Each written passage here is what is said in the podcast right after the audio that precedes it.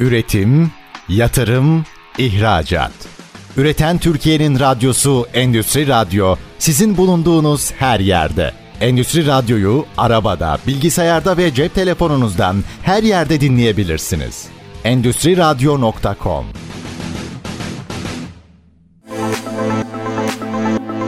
21 yıldır markalarla yatırımcıları buluşturan Bayim Olur Musun fuarının sunduğu franchising ve markalı bayilik programı başlıyor. ST Endüstri Radyo'da Bayim Olur Musun fuarının sunduğu franchising ve markalı bayilik programına hoş geldiniz. Ben Hakan Ömer Gider'in bundan böyle e, her çarşamba saatler 17'yi gösterdiğinde sizlerle beraberim. Efendim geçtiğimiz hafta e, başımıza gelen 6 Şubat tarihli depremde hayatını kaybeden tüm yurttaşlarımıza Allah'tan rahmet diliyorum. Mekanları cennet olsun. Kalanlara sabır diliyorum. Ayrıca yaralı, yaralılarımıza da acil şifalar. Tarifi gerçekten çok zor günlerden geçiyoruz. Diyorlar ki ders almadıkça da tekrarlanacak. Biz bu bilinçte de sürekli olmalıyız. Maalesef ben de buradan bahsetmeden geçemeyeceğim. 2004 yılında tanıştığım, danışmanlık için gittiğim Kahramanmaraş'taki çok değerli bir dostum, Ticaret ve Sanayi Odası'nın genel sekreteri Yılmaz Ülker'i, iki kızı, eşi ve kayınvalidesiyle birlikte göçük altında bıraktık. Ebediyete uğurladık onları. Gerçekten acımız çok büyük. Ve o yüzden de hani programı yaparken ses tonumuz zaman zaman gidiyor. Zaman zaman belki göremiyorsunuz radyo olduğu için gözyaşlarımızı tutamıyoruz. Göçükte kaldığı dönemde 3 gün boyunca zaten bütün bu kötü durumları yaşadık. Ateş düştüğü yeri yakıyor. Tabii ki şu anda ben dostumdan bahsediyorum ama binlerce insan e, maalesef tırnak içinde kader diye söylenen ama ben bunun sadece bir kadere bırakılamayacağı bir durumda yaşamalarından e, mutsuzuz, huzursuzuz. İstanbul'dayız. Biz de korkuyoruz açıkçası. Korkunun faydası yok tabii ki. Kendimizi bu konuda toparlamamız lazım. Efendim konuğuma hoş geldiniz demek istiyorum öncelikle. Kendisi çok değerli bir e, markanın yeni yeni gündeme gelen bir markanın kurucusu Hasan Bey, Hasan Aslan Bey hoş geldiniz. Teşekkürler hocam hoş bulduk. Nasılsınız demek adettendir ben de soracağım. Doğrudur. Nasılsınız? Çok teşekkür ederim. Tabii ki yaşadığımız süreçten dolayı biraz e, keyifsiziz ama hayat devam ediyor. E, bir şekilde e, metanetli olmak gerekiyor. E, bununla ilgili de çaba sarf etmek gerekiyor dediğiniz gibi ders almak adına. Elimizden geldiği kadar iyi olmaya çalışıyoruz. Evet. Sizinle ilgili uzun uzun sohbet edeceğiz bugün. Bana e, bazı dinleyicilerimden e, mesajlar geldi. Özellikle Yalova'dan bir dinleyicim dedi ki hani çok güzel bir program. Çok da keyifli dinledik ilk programı. E, Sayın Özhan Erem'le yaptığım programı. Kimlere yapıyorsunuz bu programı diye sordu. E, ben de hemen yeri gelirken söyleyeyim. E, program Bayim Olur Musun Fuarı adına yapılan özel bir program. Ve bu programda fuarımıza iştirak eden etmeyen, bizleri tanıyan tanımayan özellikle öncelikle markaları almak istiyoruz. Ve o sistem içerisinde markayla markanın yatırımcısı olmaya hevesli kişileri de bir araya getirmek istiyoruz. Hani böyle bir ön bilgilendirme, biraz onların iştahlarını kabartmak adına bir program. Tabii ki burada her şey insanların sorularının niyetlerinin içinde bir durum. O yüzden de umarım şu anda o dostumuz dinliyordur. E, cevabımız o. Biz markalarla yatırımcıları bir araya getirmeye çalışıyoruz. Tabi zaman zaman değerli bu konudaki akademisyenleri de programa çağıracağım. Ee, bu konuyla ilgili e, çok başarılı olan, başarılı olmayan markaları da çağıracağım. Neler yaptık, nerelerde hata yaptık bunları konuşmak adına. Bir de yine İstanbul'dan bir dostum e, bir şey söyledi. Dedi ki e, sen daha önceki programlarda kulak kirası diye bir hediye veriyordun. Şimdi bunda da düşünüyor musun diye. Dedim sürprizler gelecektir. Program yeni başladı. Talihsizlik ikinci seferini depreme hemen denk geldiği için birçok dostumuzu çağıramadık. O yüzden de sürprizlerimiz devam edecek diye söylüyoruz. Efendim çok da uzattım lafı. Giriş biraz uzun oldu ama. Estağfurullah. E, Gönen pilavcısı olarak Hasan Aslan Bey kimdir? Biraz böyle kendinizden, kendi cümlelerinizle bahseder misiniz? Tabii Buyurun. ki seve seve. 1977 Elazığ doğumluyum. 87-88'den beri İstanbul'da ikamet etmekteyim. İki çocuk babasıyım. Allah bağışlasın. Cümlemizinki inşallah. 90 yılından beri gıdayla uğraşıyorum. 2009-2010 yıllarından beri de franchising sistemiyle ilgili yani zincir e, mağazalarla ilgili çalışmalarım devam ediyor. Hali hazırda zaten daha önceden e, yapmış olduğumuz bir projenin ortaklarındanım ben. Yüze yakın şube sayımız var. Gönen pilavın hikayesine gelirsek aslında bu konseptimizde daha önceki yaptığımız şubelerdeki konseptimizde mevcuttu pilavımız. Pandemi süreci diye bir e, süreç yaşadı biliyorsunuz bu sektör Evet. e, e, tabiri caizse bana göre dibi gördü. Bazı markalar, bazı işletmeler haricinde. Dedik ki nasıl bir şey yapalım da bu sektör tekrar ayaklansın. Maliyetleri düşürmek adına olsun, e, kost maliyetleri olsun, inşaat maliyetleri olsun, yatırım maliyetleri adına. Böyle bir çalışma yaptık pandemide. Pandemiden sonra da e, hayata geçirdik. Çok da iyi gidiyor. Şu an için şu ana kadar yani şu aşamaya kadar bayilik vermeyi erteledik biraz. E, sistemi çek etmek adına, hata yapmamak adına. E, çünkü insanlar bize gelen yatırımcı portföyü e, belli bir bütçesi olan insanlar ve bunun bu yatırımın ne kadar kısa sürede insanlara geri dönmesi önemli. Bir de vasıflı eleman sektörü de artık yetişmiyor hocam. Evet. Dolayısıyla dedik ki öyle bir sistem oluşturalım ki bu kişiye ya da ustaya dayalı bir sistem olmasın. Yani bir e, baba, bir oğul, bir eş bu işletmeyi işletebilsin. Ustaya dayalı olmadan, dışarıya bağımlı olmadan e, hem para kazanabilsin hem bir iş olsun ve her bütçeye uygun bir iş olsun dedik. Allah nasip ederse başladık. Zaten Bayım Olumsuz fuarında daha önceki markalarımızda da biz vardık. Bundan sonraki platformlarda da olacağız. Gönen pilav olarak da olacağız. Evet. Ee, doğru olan şeyleri yapmaya çalışıyoruz sektör adına. Şimdi e, Hasan Bey baktığımızda e, herhalde gıdayla uğraşıyorum dediğinizde şöyle tek dükkanı olan bir esnaf falan mıydık ilk başlarda? Yoksa böyle hemen De- değildik. şey yok değildik tabii. Biz aile olarak çalışan bir gıda firmasıydık. Sonrasında tabii bıkkınlıklar oluyor, iş değişiklikler oluyor, kopmalar oluyor. Dolayısıyla sektör yani yine gıda sektöründe ama fast food tarafına geçtim ben kendim şahsım adına konuşayım. Ee, 2010 yılından beri de devam ediyoruz. Fast food. Fast food tabii tabii tabii. Fast food e, ve e, kafe döner sektörüyle ilgili çalışmalarımız oldu. Evet. Ee, sonrasında kokoreç ile ilgili bir çalışmamız oldu ve kokoreçte de zaten hocam Türkiye'de çok öyle yaygın bir marka yok. Uluslararası standartlarda üretim yapan, kendi bünyesinde üretim yapan ve yaklaşık 100'e yakın şubesi olan tek markayız biz. Kokoreçte. E, isim telafi etmiyorum ben. Yani evet e, çok güzel. Şimdi evet yani programın formatı aslında markalarla alakalı E, isimleri söylemiyoruz ama tahmin ediyordur dinleyicilerimiz Kesinlikle tabii dinleyicilerimiz tahmin E, ediyordur. evet. Yüze yakın şubesiyle bir markaysa ben tahmin ediyorum kim olduğunu. E, zaten ederim. biliyorum da.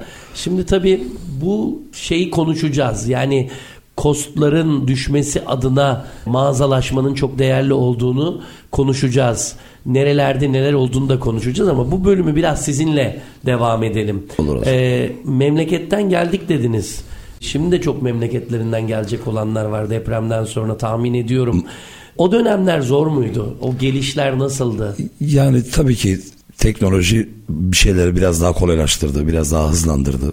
Özellikle 2000 yılından sonra. O anki piyasayla şu anki bulunduğumuz piyasa ve jenerasyon aynı değil.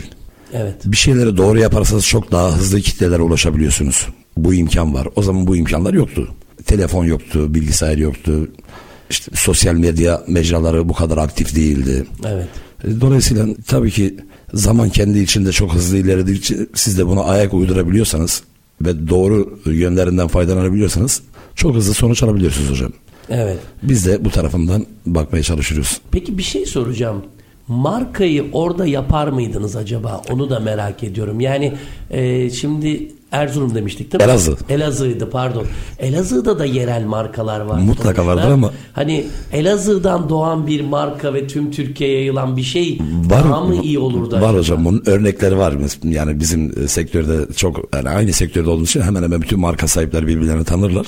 Var yani bu Antep'ten çıkan orada doğmuş bir marka var. Malatya'da doğmuş bir marka var. Bursa'da doğmuş marka var.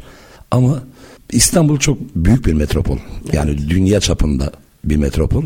E, Dolayısıyla buradan e, büyüyen firmalar biraz daha da köklü oluyor. Daha hızlı sonuç alabiliyor. Yatırımcı kitlesi daha fazla olduğu için biraz daha insanlar İstanbul biraz daha cezbedici diye düşünüyorum ben. Evet. O yüzden hani eski bir tabir var ya taşı toprağı altın Tabii, tabii, düşüncesi. Ee, yani şöyle düşünelim. Şu anda İstanbul'da 16 milyon e, gibi bir nüfustan bahsediliyor. Ben ben onun çok üstünde çarpı iki olduğunu düşünüyorum hocam. Çarpı 2 beni biraz ürkütüyor tabii. O kadar değildir de 20'ye yakındır diye düşünüyorum. Hani deprem bölgesinde hep aklımızın bir köşesi orada ya deprem bölgesinde yaşayanların toplam sayısı yani o 10 vilayetteki 13,5 milyon insandan bahsediliyor. Hadi o da çarpı 2 olsun. Kayıt dışı yaşayanlar da var biliyorsunuz. Hemen hemen. Günübirlik giden, ziyaret eden.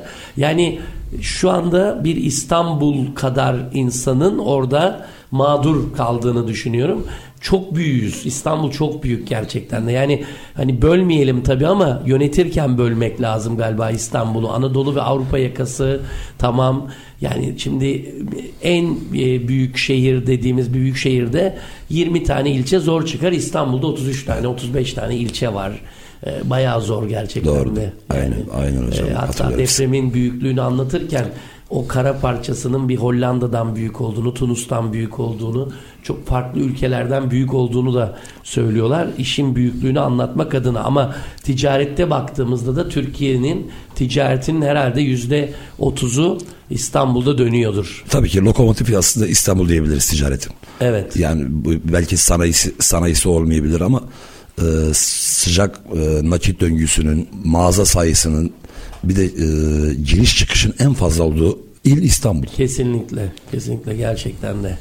Peki yavaş yavaş bu bölümün sonuna doğru yaklaşıyorum ben. Ee, ikinci bölümde biraz daha konuyu açacağız. Ee, sizin tarzınızın nasıl olduğunu, nasıl yönettiğinizi ben biraz duydum bu konuda, bilgiler aldım. Ee, müsaadenizle ben bir kapanış anonsu geçeceğim bu konuda. Tabii ki. Daha sonra da daha doğrusu kapanış demeyelim, e, araya gidiyoruz anonsu geçeceğim. Ondan sonra devam edeceğim. Efendim radyolarını yeni açanlar için duyuralım. Ee, bazen de radyonun hangi kanalda olduğunu fark etmeyenler de oluyor. ST Endüstri Radyo'dayız. Bayim Olur Musun fuarının sunduğu franchising ve markalı bayilik programına kısa bir araya gidiyoruz. Tabii ki reklam arası da diyebiliriz buna. Ee, döneceğiz. Döndüğümüzde de programımıza değerli konuğum Gönen Pilavcısı'nın kurucusu olan Hasan Aslan Bey ile devam edeceğiz. Her zaman olduğu gibi ne diyoruz? Bizi dinlemeye devam edin diyoruz. Üretim, yatırım, ihracat. Üreten Türkiye'nin radyosu Endüstri Radyo sizin bulunduğunuz her yerde. Endüstri Radyo'yu arabada, bilgisayarda ve cep telefonunuzdan her yerde dinleyebilirsiniz. Endüstri Radyo.com ST Endüstri Radyo'da Bayim Olur Musun fuarının sunduğu franchising ve markalı bayilik programına devam ediyoruz. Kaldığımız yerden devam ediyoruz. Değerli konuğum Gönen Pilavcısı'nın kurucusu Sayın Hasan Aslan bizimle birlikte. Hasan Bey şimdi ilk bölümde sizi tanıdık. Neler yaptığınızı, İstanbul'a gelişinizi e, ve e, gerçekten de 100 şubeye ulaşan bir e, gıda zincirinden de bahsettiniz. Hepsi çok güzel. Ama bugün o 100 şubeli değil, yeni kurduğunuz Evet. bir markayı konuşuyoruz. Bebeğimizi konuşacağız bugün hocam. Bebeğimizi konuşacağız. Önce sizin algınızla marka nedir? Yani herkes bunun peşinde. Markayı büyütmeliyiz, markamız iyi olmalı, markamız tanınmalı. Marka nedir sizce? Yani böyle bilimsel bir tanım falan istemiyorum. Değil, değil, Sizin değil, yok. aklınızdaki marka tanımı. Marka dediğiniz zaman belli bir standarda oturmuş. Ürün olarak, lezzet olarak, hizmet olarak her anlamda belli bir tabana oturmuş ve aynı istikrarla devam eden, karlılığı olan işletmenin tabelasındaki yazan mark, isim markadır. Süper, çok güzel. Yani belki sosyal medyada, belki ulusal radyoda, belki ulusal televizyonlarda e, reklam verecek bütçeniz olmayabilir. Ama siz işinizi doğru yapıyorsanız İstanbul'un herhangi bir arka sokağında marka olursunuz. İşinizi doğru yapıyorsanız, Evet. nihai tüketiciye eğer doğru lezzete verebiliyorsanız, bunun da karşılığını alıyorsanız ve bu tabela sürekli yanıyorsa siz markasınız. Çok güzel. Ama diğer türlüsünü derseniz zincir anlamında bu bir süreç tabii. Eğer işiniz zaten doğru yapılıyorsa ve doğru işler yapıyorsanız, doğru lokasyonlarda doğru dükkanlar açıyorsanız e, büyümemesi için bir sebep yok. Günümüzdeki e, markalarla ilgili örnek vermemi isterseniz ya Türkiye'de İstanbul'da demiyorum Türkiye'de bir kuşak öncesi gıda markası yok.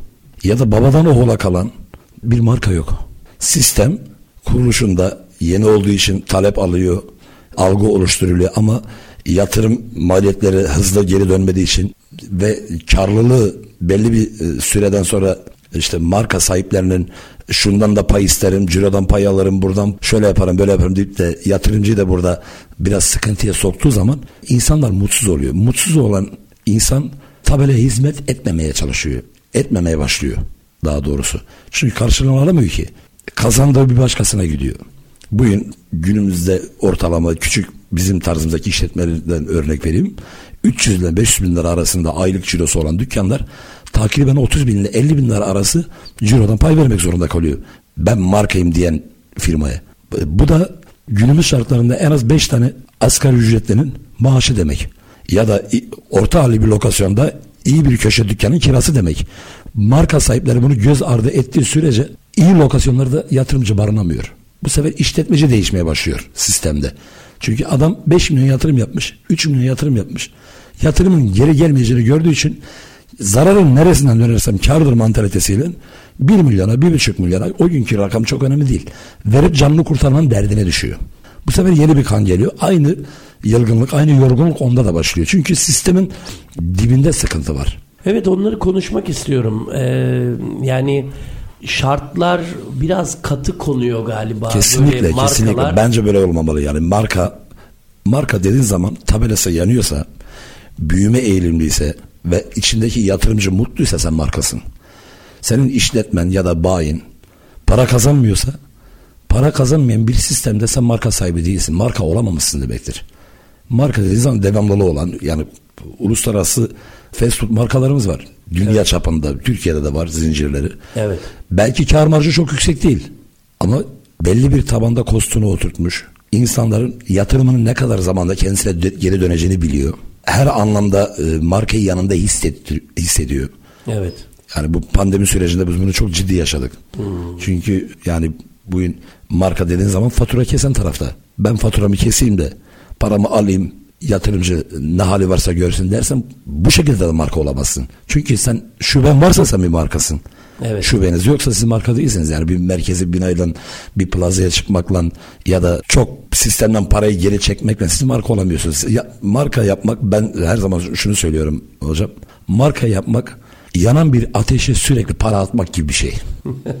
yani markayı sürekli alevli tutmak istiyorsan o ateş diye tabir ettiğimiz markayı ve ateş diye tabir ettiğimiz o sadece parayla yanır. Hmm. Odun atmakla, kömür atmakla yanmaz o. Dolayısıyla finaldeki tabii ki yani herkes ticareti para kazanmak adına yapıyor. Ama ben hem marka yapacağım hem de para kazanacağım algısı var bizim e, marka sahiplerimizde. Hem marka yapıp hem para kazanayım. Hayır. Sen marka yaparken sistemin kendi döngüsünü ele alıyorsa, cebinizden de bir şey vermiyorsanız sisteme, finalde eğer siz markaysanız 100 şube, 50 şube, 20 şube sayısı hiç önemli değil. Bir, değerlendirmeye gittiğin zaman senin şirketin değeri bugün 3 milyon, 5 milyon dolarsa senin kazancın budur. Bu olmalı. Çünkü sen başkasının parasını yöneterek, başkasının iş gücünü yöneterek, başkasının aldığı riski yöneterek para kazanan bir sistem oluşturmuşsun. Evet. Dolayısıyla yani biraz da e, vicdanlı olmak lazım aslında burada. Bizim tedarikçilerimiz, kurumsal tedarikçilerimiz e, süt grubundan var. Asitli gruplarda var. Şimdi çok ciddi indirimler arıyoruz biz kendi şubelerimiz için. Ama biz firma olarak bir beklenti içine girmiyoruz buradan. Biz de şunu istiyoruz. Şunu verirseniz biz sizden çalışırız. Bu doğru değil. Ne alabiliyorsan burada indirim adı altında bunu şubelere yansıtacaksın. Şubelerin nefes alması önemli. Şubenin para kazanması önemli. Adamın sabah saat 9'da değil de 7'de gelip şubesini açması için bunu teşvik etmen lazım. İnsanlar para kazandığı zaman bir şeye sahip çıkarlar. Para kazanmayan bir oluşumun içinde hiç kimse barınmaz. Barınamaz ki günümüz şartları zaten belli. personel maliyetleri belli, kira maliyetleri belli, işte vergisidir, SSK'dır, stopajıdır. Bunlar işletmelerimizin sırtında gerçekten cid- çok ciddi bir yük yani. Dolayısıyla marka sahipleri bunu göz önünde bulundurup bununla ilgili işletmecisine, yatırımcısına nefes alacak alanlar açmalı bence. Marka sahibi bu hesapları işine geldiği gibi yapıyor falan diyebilir miyiz? Yani biraz daha böyle markayı As- iyi şekilde verebilmek adına Tabii ki buna- gerçekleri gizliye olabilir mi? Tabii ki herkes aynı kefeye koymamak lazım. Evet, evet, evet. Ee, Bu bir, yani herkesin bir stratejisi var, ticari stratejisi. Başlangıçta bu böyle olmasa da sonunda mutlaka bu yöne doğru gidiyor. İletişimler kopuyor. Bayin üçgen, beşken, onken görüşüyorsun, istişare ediyorsun, denetliyorsun, kendi günübirlik misafir oluyorsun, misafir ediyorsun. Sonra bu sayı arttıkça insanlarla arana insanlar girmeye başlıyor. İnsanlarla arana insanlar girmeye başlıyorsa şartlar biraz daha katılaşıyor. Mesafeler giriyor araya. Kibir diye tabir ettiğimiz şeyler de olmaya başlıyor. Dolayısıyla bu aslında siz büyüdünüz zannettiğinizde sizin içten içe tabandan hani deniz geldi alttan kumu götürür ya alttan sizi götürüyor siz bunun farkında değilsiniz. Siz 50 tane tabelanın yandığını zannediyorsunuz ama realde belki 5 belki 10 tane şubeniz para kazanıyor. Yani yüzde ellisi kesinlikle bunu net söyleyebilirim. Yüzde ellisi zarar etmese bile para kazanmıyor. Adı ticaret değil ki bunun. Veya da bu insan para kazanmıyorken sen bu insanı sisteminde çok uzun süre tutamıyorsun. Bu da genel anlamda bütün markalara zarar veriyor. Evet. Yani benim burada yaptığım bir hata lokasyonda ilgili olsun, yönetimsel olsun, ürünsel olsun yaptığım bir hata bütün markaları bağlıyor aslında. Bütün marka sahiplerini bağlıyor. Dolayısıyla yani Franchising Akademi diye Özan Bey'le de biz bunu da daha önce konuşmuştuk. Bu platform dünya çapında bir platform. Bunu aslında bayim olur musun fuarına katılan marka sahiplerinden birebir bunu istişare etmekte fayda var. Yani yatırımcı varsa biz markayız. Yatırımcı biz talep oluşturabiliyorsak biz markayız. Evet. Yoksa madem sistemin yatırımcıya ihtiyacın yok ben yöneteceğim ben benim dediklerim doğru diyorsan o zaman bayilik vermeyeceksin. 20 olacaksın 30 olacaksın 50 olacaksın sistemine oturtacaksın. Oturttuğun sistem üzerinden mevcut para kazanan şubelerini de vereceksin yatırımcıya. Bu daha doğru olur bence. Sohbetin başında şey demişsiniz demiştiniz birinci bölümde çalışan sayısı çalışan sayısı değil de çalışan niteliği yok artık hani o Evet. gerçek niteliği. Maalesef. e, hocam. Bayinin hatalarında sadece markanın koyduğu kuralların hatası değil de aldığı personelden de hatalı olduğunu hissediyorum anlatımlarınızdan. Şimdi şartlar zorlayınca insanları bu sefer maliyetleri düşürmenin yoluna gidiyorsunuz hocam. Kalifiyeli bir elemanın bugün atıyorum maaşı 15-20 bin liraysa e, vasıfsız bir insanın asgari ücretle çalıştırabiliyorsunuz. Bu sefer yatırımcı mutlu değilse, para kazanamıyorsa bu maliyetlerin hesabını yapmak için çıtayı aşağı çekiyor. Dolayısıyla e, siz müşterinize hitap eden e, profesyonel elemandan olmuş oluyorsunuz evet. sunum ile ilgili sıkıntılar doğmuş oluyor. Ürünün ne kadar ne, ne kadar sıcak gitmesi, ne kadar soğuk gitmesinin bir önemi kalmamış oluyor. Çünkü siz vasıfsız bir elemanla çalışıyorsunuz. Dolayısıyla vasıflı bir eleman atıyorum içecek dolabındaki içeceğin ne kadar soğuk, ne kadar sıcak olduğunu bilir ama vasıfsız bir eleman bunu bilmez. Ya da bir garson bir işletmede gelen müşteriye ne şekilde davranacağını çok iyi bilir ama bir komi bilmez. Evet. Dolayısıyla bu insanlar bu maliyetleri düşürmeye gittiği zaman ister istemez kalite düşüyor. Kalite düşünce de işletme buradan zarar görmeye başlıyor. Bugün bir görüyor, yarın iki görüyor, üç ay sonra beş görüyor. Bu sefer sistem dönmeme başlıyor. Aslında marka buradan yatırımcısına destek vermemekle çok ciddi anlamda kendi kendine zarar vermiş oluyor. Aslında markanın burada alınan elemanı kendisinin takip etmesi, eğitmesi yani franchise bir sistem işi Kesinlikle. zaten. Yani bizim şu an e, hocam e, merkez şubemiz var bizim. Biz merkez şubemizi aynı zamanda akademi kullanıyoruz. Evet. Yani mevcut olan şu anda 5 tane şubemiz var bizim yönem pilavcısı olarak. Biz buraya alınacak personelin tamamını merkez şubeden alımını yaparak minimum 15 gün kapasitesine göre değişiyor bir insanın.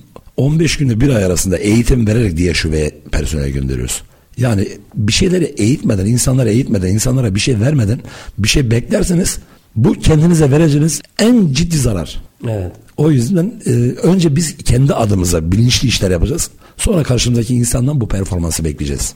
Ben böyle düşünüyorum hocam. Bir eğitimci olarak eğitimin zaten değerini çok iyi anlıyorum da bakınca da bir garson yetiştirirken neleri hatalı yapabilir ki acaba diyorum kendi kendime. Ben de bu tarz işletmelerde garsonlara eğitimler verdim. Çalışanların işte karakter analizlerine göre eğitimler hazırladım vesaire ama en çok gördüğünüz hata nerede yapıyor? Son bu bölümü bunun bitirirken. yani bu şimdi. hizmet sektöründe çalışan grubun çalışma çalışan arkadaşlarımızın ben şuna inanıyorum. Elinden geldiği kadar özverili davranıyorlar, kibar davranmaya çalışıyorlar. Ee, Ya gelen müşteriyi memnun etmeye çalışıyorlar, mutlu etmeye çalışıyorlar ama bunun bir okulu yok. Evet. Yani siz Turizm Bakanlığı'nın yaptığı okullar işte turizmciler ama onlar da o okulu bitirdim diye garsonluk yapmıyor zaten. Yapmıyorum. Yani biraz önce dediğim gibi yani si- sistemden tabandan altlardan çırak olarak tabir ettiğimiz işin başlangıcından şu aşamada gelen personel sayısı yani binde bir diyebilirim yani yüzde bir bile diyemiyorum. Dolayısıyla sizin eğer markaysanız kendinize ait bir akademiniz olması lazım. Ve bir anayasanızın olması lazım. Personelden beklentiniz nedir? Ya da bu personel e, ne kadar donanımlı olursa size faydalı olabilir. Gönderdiğiniz yatırımcı e, ya faydalı olabilir ya da nihai tüketici müşterinize ne kadar kaliteli hizmet edebilir. Bunlar önemli. Dolayısıyla ben şuna da e, çok katılmıyorum. Yani ucuz eleman mutlaka herkes tabii ki çalıştırmak ister ama ucuzdan ziyade kaliteli elemanlar, donanımlı elemanlar işletmeye mutlaka katkı sağlıyor. Dolayısıyla yani bugün 5 liraya çalıştığın elemanla 10 liraya çalıştığın elemanlar arasında be- benim görüşüm bir maaş farkı yok bence. Çünkü 10 liraya çalıştığınız insan 5 liraya çalıştığınız insanla mukayese ettiğiniz zaman o aradaki farkı tecrübesiyle, ürün satışıyla, verdiği hizmetle ve geri o müşterinin tekrar geri dönmesiyle size bu aradaki makası kapatıyor zaten. Çok güzel. Evet bu bölümün de yavaş yavaş sonuna geliyoruz. Üçüncü bölümde e, az önce böyle kenarından köşesinden girip çıktığımız franchising vermenin kuralları, stratejileri, Gönen Pilav'ın yaptığı Evet. e, franchising sisteminin ne, nasıl işlediğini konuşacağız ama ben gene bir anons geçerek kısa bir araya gitmek istiyorum. ST Endüstri Radyo'da Bayim Olur Musun'un fuarının sunduğu franchising ve markalı bayilik programına kısa bir araya gidiyorum. Ee, değerli konuğumla birlikte 3. ve son bölümde tekrar birlikte olacağız. Bizi dinlemeye devam ediniz. Üretim, yatırım, ihracat. Üreten Türkiye'nin radyosu Endüstri Radyo sizin bulunduğunuz her yerde. Endüstri Radyo'yu arabada, bilgisayarda ve cep telefonunuzdan her yerde dinleyebilirsiniz. Endüstri Radyo.com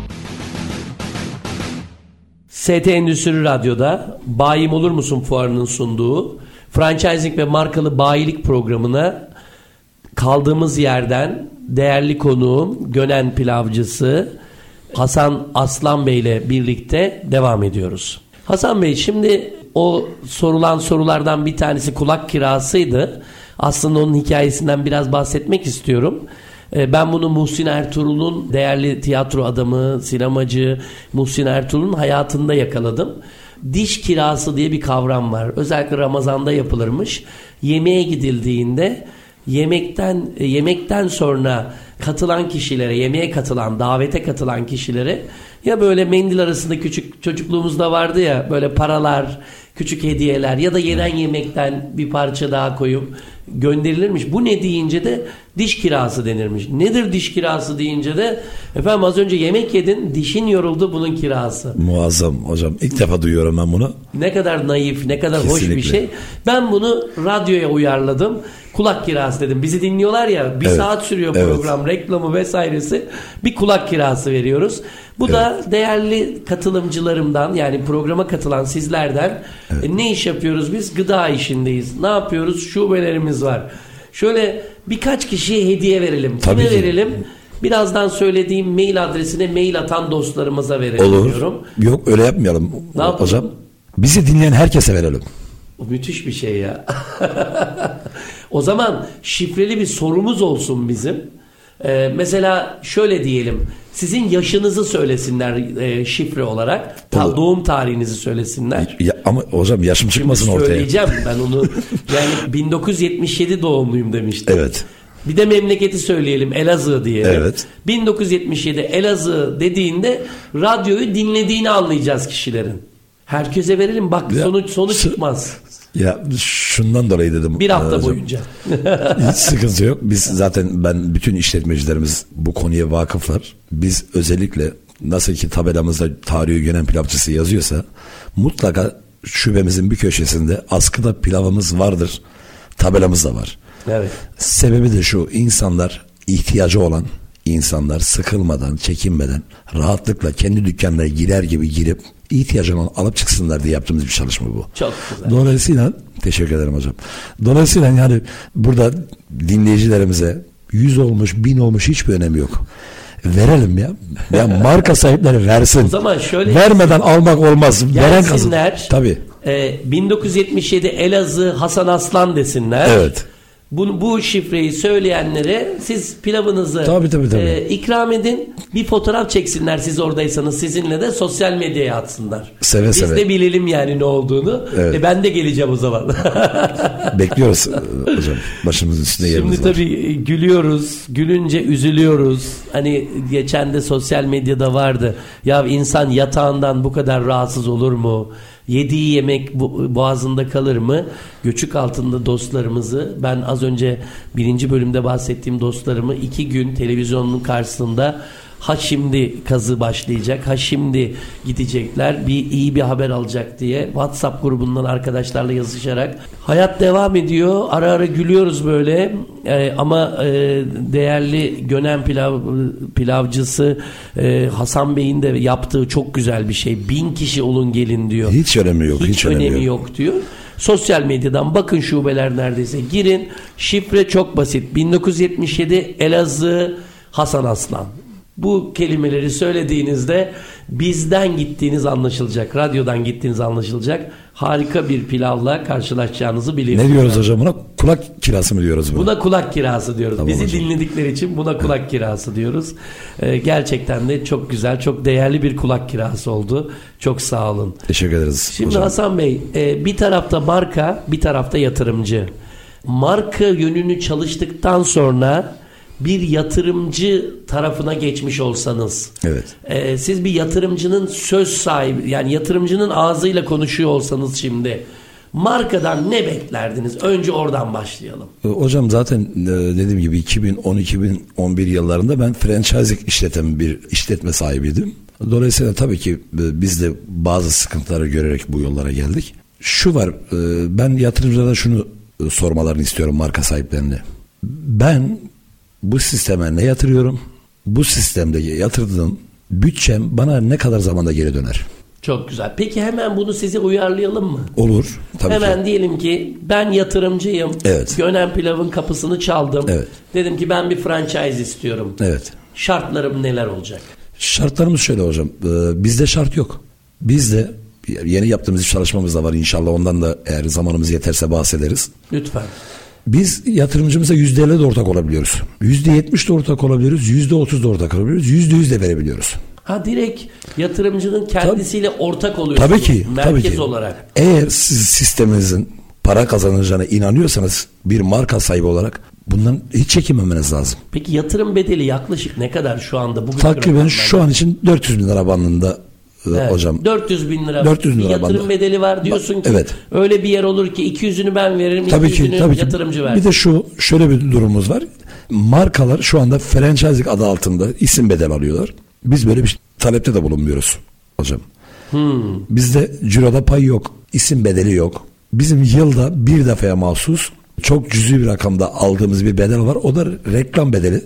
Bunu da zaten çarpı 2 çarpı 3 olarak marka Geri olarak marka olarak zaten biz harcıyoruz bunu.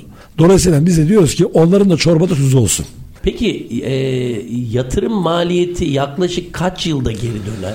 En çok merak ettikleri Evet bu zaten. kesinlikle bence en en doğru yani ticaret insanlar para kazanmak için yapıyor. Ve bize gelen yatırımcı grubunun bütçesi sıkıntılı. Kısıtlı bir bütçeyle geliyor. Ya arabasını satıyor Ya. ya, e, eşinin bileziklerini satıyor. 15-20 yıllık 25 yıllık birikimiyle geliyor sana. Yani adam diyor ki ben 15-20 sene maaştan çalıştım. Ne uzadım ne kısadım. Ya en azından kendi işimi yapayım. Bari kendime bir şey yapamadım. Çocuğuma bir daire alayım. Bir, bir gelecek Evet. sağlayayım.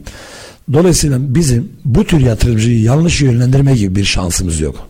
Ticari ahlak olarak da bu doğru değil. Vicdanen de bu doğru değil. Evet. Bizdeki ge- 400 bin lira yatırım maliyetinin geri dönüşü minimum 8 ay, maksimum 12 ay. 8 ile 12 ay arasında Tabii ki. yatırdığı para geri döner. Kesinlikle. Ama bu şey değil yani yatı- yatırımın geri dönüşü dediğimizde o parayı kazanır değil. Yani o ciroyu yapar değil. O parayı da kenara koyabilir. Tabii tabii tabii. Yani Artı bize yiyecek de tabii. ar- e, biz zaten e, dediğim gibi hocam bizdeki 400 bin liralık yatırımın geri dönmesi e, minimum 8 ay, maksimum 12 ay. Çok güzel. Bunu hiçbir marka telaffuz edemez. Evet. Çünkü bizim e, bu çalışmayı yapmaya başladığımızda ilk çalıştığımız nokta ürün kostu Evet. ve fire maliyeti. Bizim sattığımız ürünlerin yüzde 10 firesi yok. Evet. Ve usta dayalı bir sistem işletmiyoruz. Dolayısıyla bu işletmenin karlılığının çok daha yükseğe Ya burada çıkarıyor. sizi yakalamışken güzel pilav nasıl yapılır diye de sormak geliyor içimden. Beceremediğim şeylerden bir tanesi de pilav yapmak Çok çünkü. çok çok zor değil. çok zor değil hocam. Dediniz ya ustaya gerek yok dediniz. O yüzden takıldım. Şöyle bir şey, şu şundan dolayı o kelimeyi telaffuz ettim. İşletmelerdeki sistemimizde ustaya dayalı bir e, işimiz yok. Evet. Ama tabii ki üretim alanında bizim 30 yıl, 40 yıl e, geçmişi olan, deneyimi olan aşçılarla çalışıyoruz. Çok güzel. Neticede e, hangi şubemize giderseniz gidin, hangi şubemizde ne yerseniz bir başka şubemize bir hafta sonra gittiğinizde aynı lezzet alırsınız. O çok önemli. Nasıl sağ, o standart Zaten- yakalamak evde hanım bile pilavı aynı lezzette her zaman yapamayabiliyor. Bizde e, her şeyin ölçüsü farklı. Her şeyin e, yani bugün farklı yapayım, bugün farklı bir şey deneyeyim. Zaten biz bu Arge'yi Arge çalışmalarını yaparken yaklaşık bir yıl gibi bir süreç e, Geçti. geçti. Evet. Dolayısıyla biz sabah sevkiyatında, şubelere giden ürün sevkiyatında ürünü ikiye bölüyoruz. Bir sabah sevkiyatımız var, bir de öğleden sonra sevkiyatımız var. Dolayısıyla Merkezden gidiyor. Tabii merkezden gidiyor. Tabii tabii tabii. tabii. pişirmiyor. Hayır hayır. Bizde Tabii bizim merkez mutfak. değildir. Diğer ürünler de Tabii vardır yanında. kavurmamız var, Arnavut ciğerimiz var. Da- dana ciğerinden yapılma Arnavut ciğerimiz var. Çok güzel. Merkez şubede çorba çeşitlerimiz var. Salatamız var, tatlı çeşitlerimiz var. Ya Evet. biz pilavcıyız ama bizde beyaz yaka diye tabir ettiğimiz e, müşteri grubumuz da var. E, işçi grubumuz da var, öğrenci grubumuz da var. Biz herkese hitap eden bir konsept oluşturduk. Evet. Dolayısıyla biz de yani bugün ne yediyseniz nasıl bir tat aldıysanız bir ay sonra da gelseniz bir yıl sonra da gelseniz aynı lezzeti aynı tadı alacağınızı garanti edebilirim. Ya yıllarca pilav şişmanlatıyor dediler. Bakıyoruz Çinliler pilav yer hiçbiri şişman değil. Hiç ben katılmıyorum. Buradaki Biz- şey ne? Fark ne? Yağda mı? Yani tabii ki kullandığınız yağ, kullandığınız pirinç yani bölge bölge değişiyor. Pirinç kalite olarak da değişiyor. E, tabii yağ bunda bir ciddi etken. E, dolayısıyla yani biz kaliteyi en üst seviyede tutuyoruz hocam. Evet. Kesinlikle öncelikle zaten bütün çıkan ürünleri kendi ustabaşlarımız ve kend- biz kendimiz test etmeden hiçbir şube ürün çıkışı yapmıyoruz. Ne olursa olsun gün içinde de e, sıcak ben var diye tabir ettiğimiz tezgah grubumuz olduğu için Evet. gün içinde de bunların sıcaklığıyla ilgili ve derecesine varana kadar kontrol ediyoruz. Çünkü sen pişen bir ürün gönderiyorsun. Benvaride doğru ısıda tutmadığın zaman pişirilen ürün benvaride bir daha pişebiliyor. Evet. Dolayısıyla sunumda o çok güzel üretim yapabilirsiniz. Çok lezzetli ürün yapabilirsiniz ama sunum sunum esnasında eğer doğru sunumu yapamazsanız doğru lezzeti ver, vermemiş Pilav olursunuz. için denir ya lapa olmuş, Tabii, tabii. pilavı derler. Ay- ay- aynen hocam. Sonra bir de tane tane denir böyle. Sanki tane tane yapılmış derler Biz ya. biz o tane tane yapanlardanız hocam. Şimdi yavaş yavaş sürem e, daralmaya başladı. Burada dediniz ki e, öncelikle yatırım maliyetinin geri dönüşü çok önemli. Kesinlikle. Günlük cirolar nasıl bir şey? Yani malzemeye baktığımda günlük ciro koyduğum malzemenin kaç katı ciro çıkarabiliyorum yani? Biz de e, e, takiben e, aslında e, bizim finans müdürümüzle birlikte geldim buraya. Bu tür sorulara cevap versin diye. Evet. O da şu anda bizi biz, yanımızda şu anda bizi görüyor. Biz mutlaka ve mutlaka verdiğimiz üründen, şubeye verdiğimiz üründen çarpı 3 olarak ciro alıyoruz. Çok güzel. Evet. Bu, yani bu olmazsa olmazımız. Evet. Bu, bu çalışmasını her türlü kos maliyetlerinde olsun, içecek grubunda olsun. Bunların çalışmaları tamamen nettir yani e, birebir yapılmış çalışmalardır. Evet. Onun dışında biz şubemizde bayi olarak düşündüğümüz şubelerimizde satılmayan ürünün mutlaka iadesini alıyoruz. Ve bunu da kendi yaptığımız çalışmalarla hayvan barınaklarına Çok güzel. ihtiyacı olan Çok e, güzel. insanlara ulaştırıyoruz. Dolayısıyla yani burada israfın önüne geçmiş oluyoruz ve işletmenin sırtındaki yükü de almış oluyoruz. Yani işletmeci ya siz bana atıyorum 50 kilo pilav gönderdiniz ama ben bunun 40 kilosunu satabildim 10 kilosunu satamadım ben bu yüzden zarar ediyorum dememesi için o yolu da kapattık. 10 kiloyu geri alıyorsunuz ama 40 kilonun parasını alıyorsunuz. Tabii ki. Çok tabii. Dolayısıyla yani işletmeci dediğim gibi e, hocam eğer sizin şubeleriniz para kazanıyorsa, mutluysa siz markasınız. Siz marka olarak, firma olarak 10 kilo, 20 kilo tolere edebilirsiniz. Ama bir işletmeden bu özveriyi, bu fedakarlığı beklemek zorunda değilsiniz. Yani zaten dediğim gibi şartlar çok değişti. Pandemi öncesi ve pandemi sonrası diye bir süreç var bizim. Kesinlikle. Özellikle gıda sektörüyle alakalı. Yani insanlar bir lira bir şeyi bile kendisine maliyet olarak gördüğü zaman e, markaya bakış açısı değişiyor. Evet. Ben o yüzden bütün şube sahiplerini de kendi ortağım gibi görüyorum. Evet. Çünkü kazan kazan gibi bir sistem işletiyoruz. Evet. Ee, çok teşekkür ediyorum. Ee, Rica ederim hocam. Ne denir? Hani e, sayılı zaman hızlı geçer derler Doğrudur. ya. O, o da bu şekilde oldu. Ben e, katıldığınız için çok teşekkür ediyorum. teşekkür ederim. Çok keyifli Bize bir sohbetti. Ne kadar için. da olsa keyifsiz de olsak çok keyifli bir sohbetti. Evet, evet. Eminim dinleyen birçok insan içinde yatırımcı olsun, marka olsun güzel satır aralarında dersler vardı. Çok Katılım teşekkür için ederiz. teşekkür ediyorum. Ben teşekkür ederim hocam. Ülkemizin de şu anki yaşadığı sıkıntılı süreçten dolayı bütün Türk milletinin başı sağ olsun diyorum. Yaralarımıza da Allah'tan acil şifalar diliyorum. Biz insan olarak, şube olarak değil, marka olarak değil, insan olarak elimizden geldiği kadar her yere yetişmeye çalışıyoruz. Yetişmeye de devam edeceğiz. İmkanlarımız müsaade ettiği sürece inşallah güzel günler bizi bekliyor. Biz e, birliği, beraberliği seven bir milletiz, merhametli bir milletiz. Bunu yaşayarak da e, bu süreçte gördük. İnşallah daha güzel günler ülkemizi bekliyor diyebilirim. Evet çok güzel söylediniz Ee, ve katılıyorum ben de hepsine. Efendim bayim olur musunuz fuarının sunduğu franchising ve markalı bayilik programında bugün sonuna geldik. Değerli konuğumla Gönen Pilavcısı Sayın Hasan Aslan'la güzel, keyifli, bilgilendirici bir programı da bitirdik. Programı güzel bir sözle kapatmak istiyorum. John McNaughton söylemiş. Başkaları için duyduğun kaygı kendin için duyduğun kaygıların önüne geçtiği zaman olgunlaşmışsın demektir. Hoşçakalın.